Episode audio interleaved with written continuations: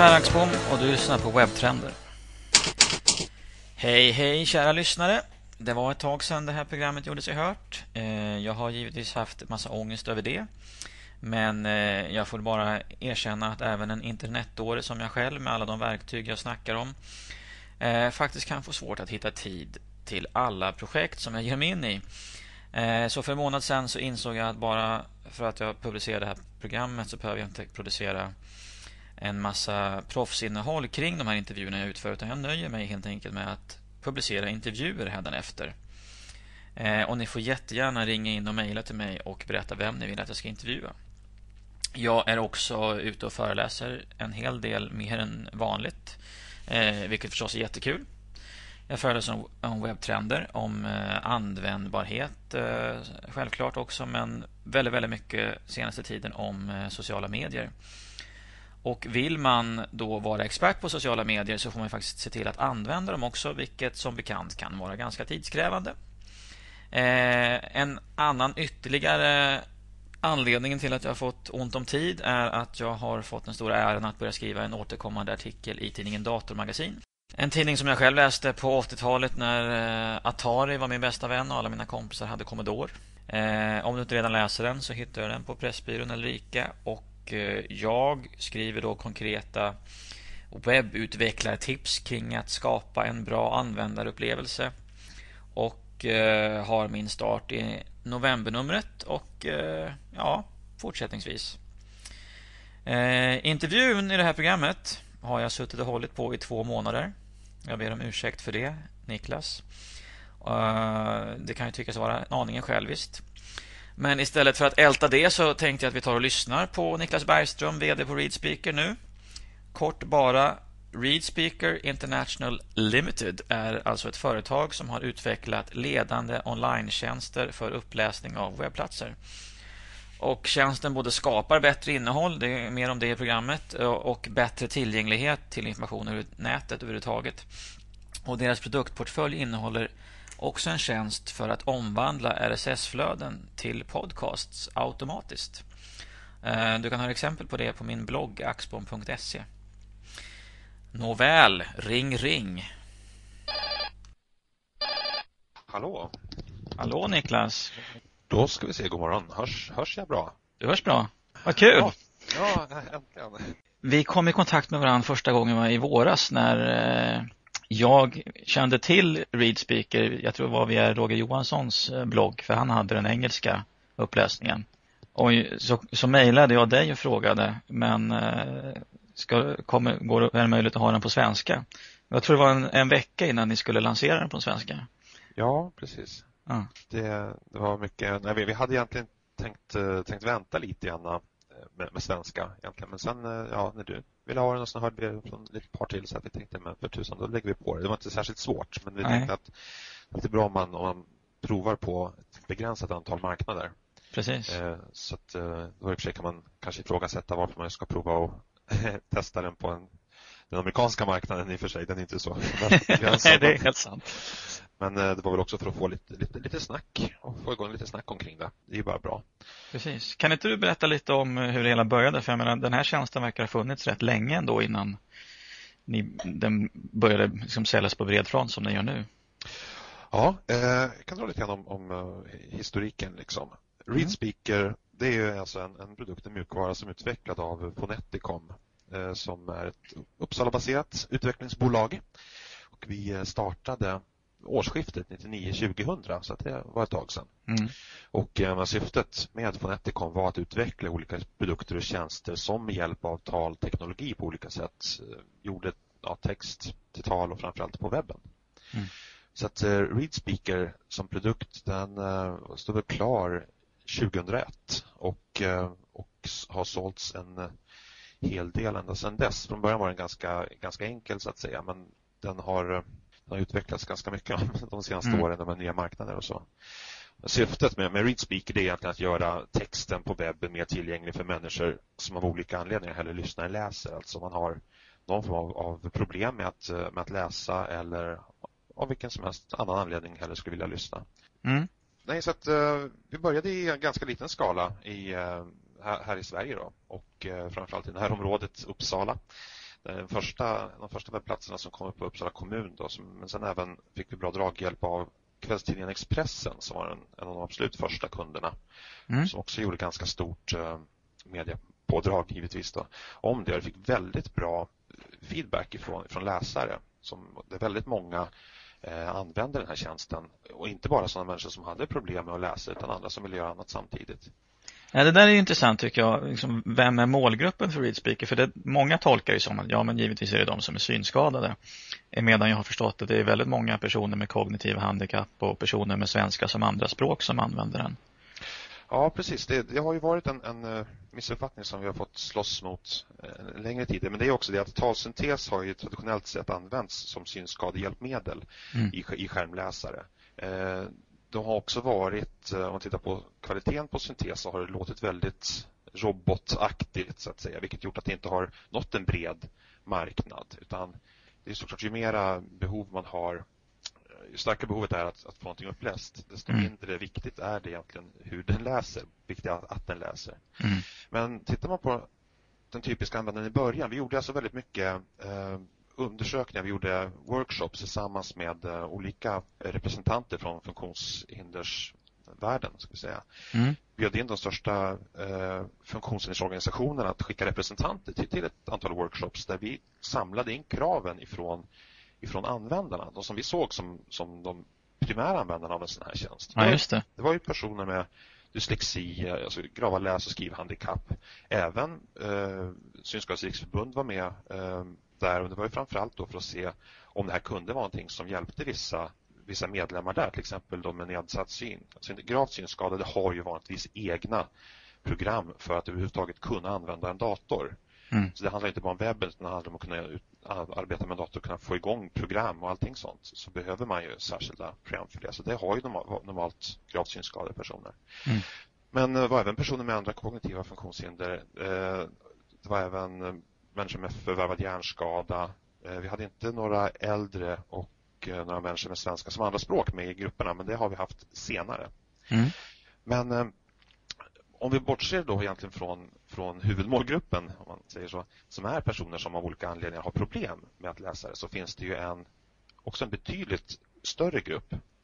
Eh, och det är ju de som, eh, som faktiskt inte alls har några, några problem så, men att eh, föredrar att, att lyssna på det, kanske på grund av tidsbrist. Mm. Alltså att ha möjlighet att, att ladda ner en, en längre text som en ljudfil och kunna lyssna på den. Vi ser explosionen vad gäller ljudböcker idag. Precis. Eh, man, man, kan liksom använda sin tid mer effektivt. Eh, det kan också vara så att man vill kunna göra, ja, läsa medan man, eh, medan man kör eller pendlar. Mm. Man kan bara sitta vid, vid datorn, lyssna på det och få saker och ting, andra saker gjorda samtidigt. Mm. Förutsåg ni den målgruppen? Inte så mycket. Mycket på grund av den anledningen att talsyntesens, alltså kvaliteten på uppläsningen var inte så där fantastisk på det vad gäller svenska när vi drog mm. igång. Eh, utan vi har ju liksom allt eftersom utvecklingen av talsynteser har gått framåt så har ju har egentligen målgruppen breddats. Vi har också sett att, eh, att det är fler människor som använder tjänsten som, som då inte har några, några, några funktionshinder eller funktionsnedsättningar. Mm. Så att, eh, och de har kommit tillbaks med olika typer av, av, frågor och ibland kritik och så och förslag på hur de skulle kunna få tjänsten bättre för sig så att säga, för den målgruppen. Mm. Men det var väldigt svårt att förutse att det skulle bli på så här bred front. För nu, Precis. Det är, det är förstås det vi vill egentligen, va? att göra det här inte som en nischad lösning för människor med problem utan en, en, en väldigt bra och effektiv lösning för alla. Mm. Det som händer när jag demonstrerar eh, ReadSpeaker för människor är ju att de reagerar enormt. Shit vad bra det låter. De är, de är inte beredda på det, för det jag börjar med att berätta är att det är talsyntes, men de förstår ju inte att det, eller kan inte ana att det, är en, det låter som en riktig människa läser upp det. Och det är ju det som förmodligen har gjort att eh, man har börjat prata så mycket om er nu. Ja. Det som är intressant där också tycker jag är att eh, när, när man når den talkvaliteten så kommer det andra eh, kritiska inlägg. Ja, men där uttalar den lite fel. ja. ja, det är det. det är mycket vill ha mer. Eh, och ja. det, det, man ser anledningen till, för det första när vi tittar på talsyntesens utveckling, då är det så att eh, svenska är ju ett ganska litet språk. Eh, om vi kollar på de engelska och de amerikanska talsynteserna så har de legat mycket långt före, men det finns en helt annan ekonomi där. Mm. Det är också så i talsynteser att, att när, man, när folk när man säger talsyntes till någon som aldrig någonsin har talat om en talsyntes, ja, då vet mm. de ju inte vad det är. Sen Nej. förklarar man, ja men det är en dator som pratar. Mm. Då, då, tänker de direkt på, på liksom rena robot eh, Star Trek stuket på, på röster. Ja, jag tänker på War Games. Shall ja. we play a game? ja, det, är, det är så att, att tekniken eller teknologin har inte varit så tillgänglig för många för människor utan det, alltså för, för den breda massan. De flesta vet ju inte vad det är. De har ingen anledning att behövt bry sig om vad det har varit heller. Mm. Utan det har varit eh, som synskade och dyslexihjälpmedel. Det har varit i eh, navigationsutrustning, förvisso på senare år. Det har funnits vissa talsvarssystem och sånt. Det har inte, det har inte varit var mans egendom. Mm. Vad vi vill göra, med, därför vi gjorde ReadSpeaker på det sättet vi gjorde den, alltså som en ren serverbaserad eh, lösning, det var att vi kunde då erbjuda den tekniken, alltså göra den tekniken mer tillgänglig för mm. människor, exponera den, få ut den. Göra, göra människor eh, också mer vana vid att lyssna på talsyntes och, och se vilka möjligheter som, som finns när man tänker att ah, text kan bli talad automatiskt. Exakt. Eh, det handlar om att tillgängliggöra tekniken och inte bara och, och den tekniken tillgängliggör i sin tur texten. Mm. För det är den frågan många också ställer. Räcker det inte med programmen som användaren har på sin dator? Och då blir min invändning i alla fall, ja men de flesta inser inte att de ska ha ett sådant program på sin dator. Nej, nej så är det ju. Alltså, de, de flesta har, ju ingen aning att mm. det finns. Eh, de som kanske vet att det finns för de har snubblat över det, de förstår inte alls vad de ska ha det till. Alltså mm. talsyntes i datorer har ju funnits eh, i Macintosh typ alltid. Mm. Eh, på, på Commodore Amiga så fanns det inbyggt och så vidare och så vidare. Det finns också gratis varianter att ladda ner. Men det har ju mest använts av kan man säga de, de som har olika typer av skärmläsningsprogram till de här talsynteserna. Just det. Och den typen av program har varit väldigt riktad till människor, människor med, med olika funktionshinder. Mm. Men eh, så är det att, att, att många också har ju sagt att ja, men varför ska man ha varför ska vi ha readspeaker på webbplatserna när alla har talsyntes i sina datorer? Ja, eh, talsyntes finns det ju i någon mening i de flesta datorer, ja. Eh, inte på svenska dock. Mm. Det gör det inte. Dessutom, visst det kan man köpa, det kostar ganska mycket pengar eh, för den enskilda användaren. Då. Men det handlar ju lite grann om eh, om man har särskilda program, oavsett vad man har för typ av program på sin dator för att läsa, så är den liksom, den fungerar ju på den dator där man har installerat det och konfigurerat det på sitt sätt. Går du till en annan dator så, så funkar det ju inte. Det finns heller inte på alla operativsystem. Det finns inte för all, alltså, kompatibelt med alla webbläsare. Det är också så att som ReadSpeaker som jag sa tidigare är ju helt serverbaserat eh, och då har den eh, förstås massa centrala fördelar. Dels att vi har centrala uttalslexikon som vi hela tiden arbetar med för att få för att få text, alltså felaktiga ord till exempel att uttalas korrekt eller sagt fel uttalat, att bli rättat. Ja. Eh, och det skulle ju inte användaren kunna göra på sin egen dator. Nej, alltså ofta ja. så kan den göra det på sin egen dator men då är det bara den användaren som den Ja, så precis. Ja. Och det är också det att, att, eh, när det kommer nya uppdateringar, när det kommer förbättringar så görs allting sånt centralt. Mm. Dessutom så ställer ju ReadSpeaker inga, inga liksom särskilda krav på, på användarens dator eller webbläsare. Mm. Eftersom ja, det funkar ska jag säga i stort sett med alla typer av webbläsare. Sen om, det är en, om du surfar från en mobiltelefon eller en handdator eller en textbaserad webbläsare eller vanlig, eller för all del från ja, de här nya kylskåpen med webbläsare i dörren. Ja, Där är det svårt att installera grejer. Mm. Eh, hur man installerar program i ett kylskåp. Där eh, men, eh, men ReadSpeaker fungerar faktiskt på alla ställen det är ju jättebra. Och som slogan, ReadSpeaker funkar även i ditt kylskåp. ja, självklart. ReadSpeaker verkar finnas i, i några olika varianter. Det är dels Säget som kan läsa upp en hel webbplats, men sen finns det också en här Podcaster som jag har blivit alldeles förälskad i, där den läser upp RSS-flöden. Mm. Um, vad har RSS betytt för er? Ja, eh, RSS, ja just vad gäller i podcasting-sammanhang så har det betytt betytt allt. Mm. Det har varit själva förutsättningen. Vad vi har gjort eh, är ju alltså redan tidigt när, när RSS-flödena började dyka upp så började vi titta på det och se okej, okay, det här är ett väldigt bra sätt att, eller för alla att distribuera information. Det gör att man kan snarare prenumerera på information istället för att gå runt och besöka webbplatser. Vad vi tänkte på först var ju faktiskt återigen då med våra huvudmålgrupper i, i fokus var ju det här gör ju det lättare för personer som tycker att det är jobbigt att gå omkring på, på webbplatser och leta sig fram till informationen att kunna enkelt prenumerera på den. Och eftersom det är tal vi jobbar med så tänkte vi att okej, okay, hur skulle vi kunna, kunna göra om det här till, till att det blir som en ja, blir tal helt enkelt istället så man kan prenumerera på tal eh, från en, en webbplats. Mm. Det var lite så det kom. Det var egentligen innan det här med podcasting och så kom eller ens blev stort. Okay. Ehm, men, eh, men sen såg vi ju, vi tittade på, på det där på olika sätt hur, hur man skulle kunna använda den där tekniken. Och eh, sedan när, när podcasting började komma och vi satte oss in i hur det, hur det fungerade att det var ju väsentligen bara en RSS med en så kallad enclosure när man skickar med en, en länk till mpt-fil så såg vi att ja, men det här skulle inte vara några problem. Så där tog vi och, eh, och utvecklade den här podcasten som den första hette, mm. som är en ren, en ren RSS ja, en RSS-text-feed till RSS podcast-feed, skulle jag vilja mm. säga. Och, och, som eh, också innebär att man kan prenumerera på nyheter eller vad det nu är som man nu distribuerar till eh, sin iPod eller MP3-spelare. Ja, precis. Men Readspeaker har tidigare alltid också varit en, eh, en ren business-to-business verksamhet. Vi har sålt eh, tjänsten Readspeaker till en webb platsägare, alltså den som äger informationen. Mm. Så, att, så, att, den informationen ska kunna bli tillgänglig för alla som vill lyssna på den.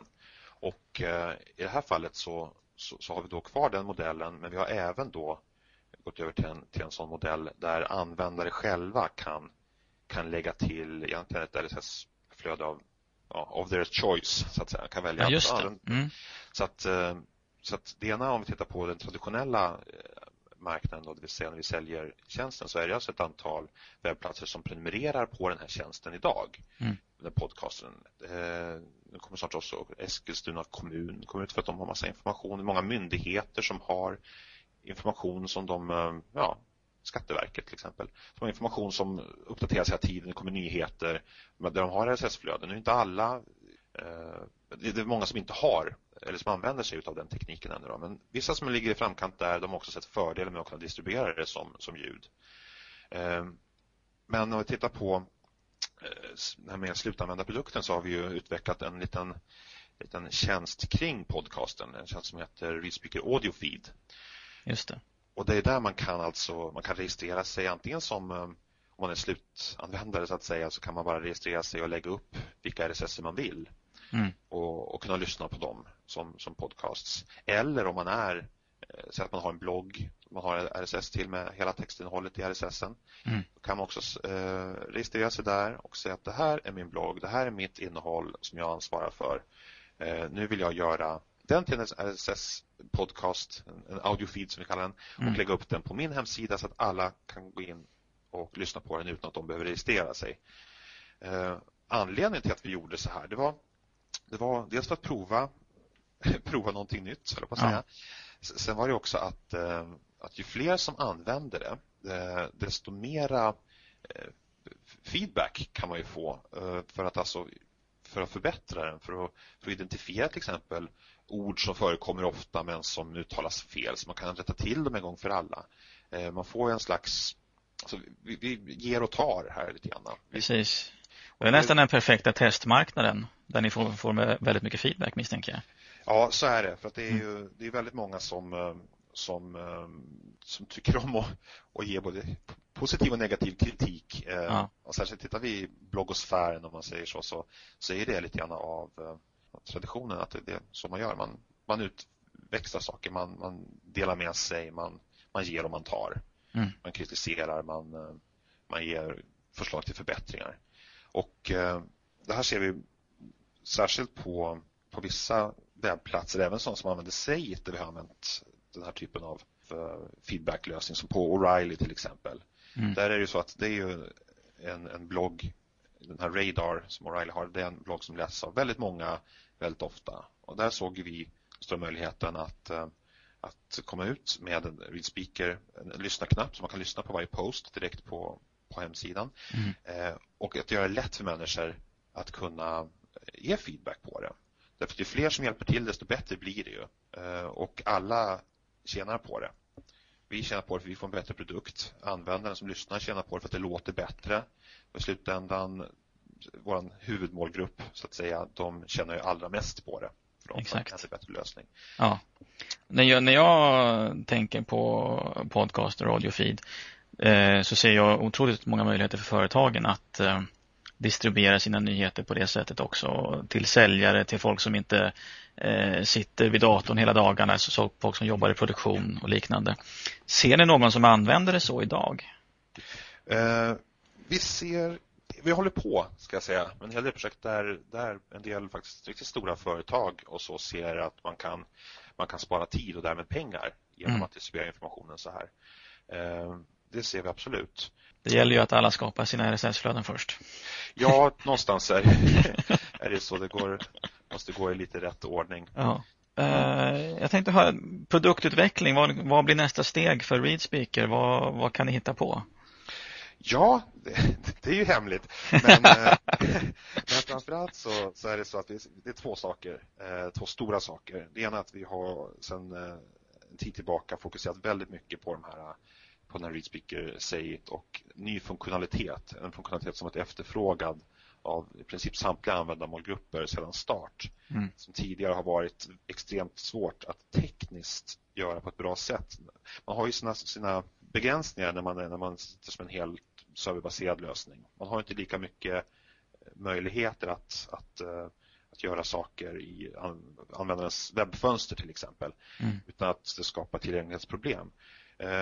Men våra, så att säga, våra tillgänglighetsprodukter kommer att få en ordentlig ansiktslyftning eh, vad gäller ny funktionalitet inom kort. Eh, och sen är det också förstås vad gäller podcasting-biten så kommer vi också presentera en hel del nyheter. Även i det svepet också lite mera för den mobila marknaden. Just det. Mm. För att eh, även i dagsläget så fungerar ju faktiskt den här audiofeed och podcaster utmärkt ifrån en vanlig telefon. Det finns alltså en särskild XHTML-version utav sidan som är rena länkar till ljudfilerna. Mm. Vi tittar också på nya komprimeringsformat som är mer idealiska för, för mobiltelefoner. För det är ju ändå det som många lyssnar använder som mp3-spelare. Och de är mobila och de har vanligtvis internetuppkoppling. Ehm, så där händer det också väldigt mycket saker. Vår internationella expansion fortsätter också i, i raketfart. Ja, jag har förstått det. Den, där vi har faktiskt, väldigt kul, i, eh, har inte gått ut officiellt än, men, men eh, i eh, måndags så lanserade Tokyo Stock Exchange ReadSpeaker på hela sin webbplats. Och det är ju då världens allra största börser. Jaha, Extremt. gud vad kul. Ja, det är både på japanska och på, på engelska. Just det. Hur många olika språk har ni? Eh, ja, i dagsläget har vi ett 20-tal. Eh, det är också så, alltså det inkluderar vissa varianter. Vi har ju till exempel katalanska och lite, lite andra typer av minoritetsspråk i Spanien. Eh, Welsh, finlandssvenska, färöiska. Mm. Eh, men också de stora europeiska språken.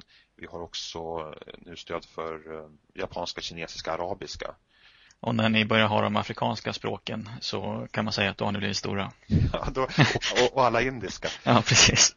Ja, det viktiga också som jag känner och som, som är viktigt för folk att förstå det är också det, vad, vad, för, vad finns det för begränsningar i talsyntes egentligen? Mm. Och, och det andra är ju liksom att, precis som du sa där, att att helt plötsligt så börjar, ja, ju fler som använder ju mer liksom mainstream det blir, desto mera kommer folk att och, och mejla och säga, men du det där, det här låter jättekonstigt liksom. Ja, precis. Det här låter ju skit, det här låter ju som en ja. apa liksom. Ja, det är så häftigt. Jag hör det där så ofta för att folk inser inte vad häftigt det är att det låter så pass bra som det gör. Så går de in och tycker att nej men det är inte så bra det där. Nej, det, är, det är ett otroligt stort steg. Ja, det är ju det. Och det är också så att det, det är ett lika stort steg mellan, även om det har den bästa talsyntesen idag, till mm. att det är en mänsklig eh, som läser, är, är också ett gigantiskt stort steg, även fast eh, alltså, och det, det jag menar då det är att eh, en talsyntes kommer aldrig att bli perfekt. Mm. För all del, en riktig människa som pratar är inte heller helt perfekt. Men människan vet ofta vad den säger, det vet inte talsyntesen. Precis. Ja, där gäller ju efter, jag, jag, förstår ju att verktyget läser utifrån liksom vissa, regler. Mm. Och det gäller ju också att den som har skrivit texten ja. kommenterar och har punkter på rätt ställen för att det överhuvudtaget ska kunna funka. Ja, det där är faktiskt rätt, rätt, eh, rätt intressant. För att det är ju så att en text som skrivs för en tidning Mm. Den, den, skrivs för att läsas, alltså för att man läser den. den har inte skrivit för att bli uppläst. Nej. Man skriver alltså lite grann på olika sätt. Just Alltså, du, du pratar inte på samma sätt som, som du skriver utan det är, man skriver helt enkelt inte i talspråk, det jag försöker säga. Mm. Men vi ser från, från International, International Herald Tribune som är ju den, eh, den mest använda eh, readspeaker-sajten idag. De, eh, det är alltså, usch, jag vet inte, det är alltså 700 000 eh, klicks i månaden. Mm. Och där får vi, därifrån får vi jättemycket feedback. Och det som är intressant med den feedbacken från då användare är att de allra flesta de är, tycker att det, bara, det här är så himla häftigt, gud vad bra, jag älskar det här, nu kan jag äntligen lyssna på det här liksom, och nu kan jag göra det och nu kan jag det. Och andra som säger, men gud vad är det här? Det låter ju som, låter som en robot. Mm. Eh, varför kan vi inte, kan vi inte liksom unna oss lyssna en, en, en, en människa som läser in det här istället för att vi ska behöva lyssna på den här äh, hemska robotrösten? Och då pratar jag ändå om samma tjänst Mm. liksom, och samma röst. eh, och det är också så att många, vi får ju en hel del feedback från, från andra som säger att ja, men, ja det är bra men, men rösten är lite hackig. Mm. Och vad de menar då det är att då har de inte, de har inte förstått att det, var en, att det är en talsyntes för det första. Och då är såklart, man problemet är psykologiskt. Om någonting låter tillräckligt Mm. mänskligt då, då, då ställer man krav på, på, på den att den ska också då läsa perfekt. Just det. Ehm, och det gör att man blir, att hjärnan blir faktiskt väldigt förvånad sådär, Mm. och snopen när den, när den som läser gör ett väldigt konstigt fel. Så då blir man liksom lite upptagen med att fundera, behandla vad var det nu som hände? Så Mm. att man missar ett par ord som kommer efteråt. Va? Medan om det låter mer robotaktigt, Ja. det gör också att man ställer ner förväntningarna, även omedvetet. Vilket gör att man har mycket högre acceptans för, för fel. Precis. Men, alltså, jag, jag pratar så mycket, men eh, det så om hur man skriver. Där faktiskt Readspeaker har fått upp ögonen på, på rätt många, även ganska högt upp i myndighets-Sverige så där, som sitter och har webbplatser och har massa webbredaktörer som skriver. Att helt plötsligt så, när de lyssnar på texten så hör de säkert liksom så här, gud vilken eh, lång mening liksom. För sånt blir väldigt påtagligt. Just Eller, det. komma fel. Eller om man är inkonsekvent med hur man, hur man skriver datum och tider och datumintervaller och sånt. Och att, att de har faktiskt fått bättra på sina riktlinjer för webbredaktörerna hur de skriver. Eh, inte på grund av att det ska uttalas rätt, men för att, för att inkonsekvenser blir väldigt tydliga. Det där är ju Ja. jätteintressant. Där har du ju indirekt en till målgrupp då.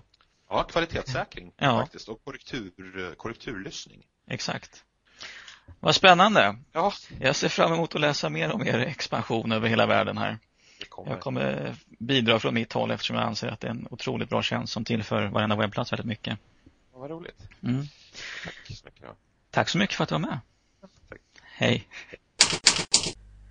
Då så kära vänner, då avrundar vi där. Vill ni som sagt höra exempel på Read Speaker in Action så gå till min blogg axbom.se och klicka på länken Audiofeed i högerkolumnen.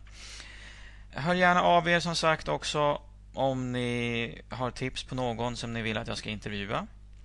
Eh, maila mig i så fall per axbom.se eller ring 08 559 25 160. Och kom ihåg att det är vetskapen om att ni lyssnar som gör att jag fortsätter. Ha det bra så länge. Hej då.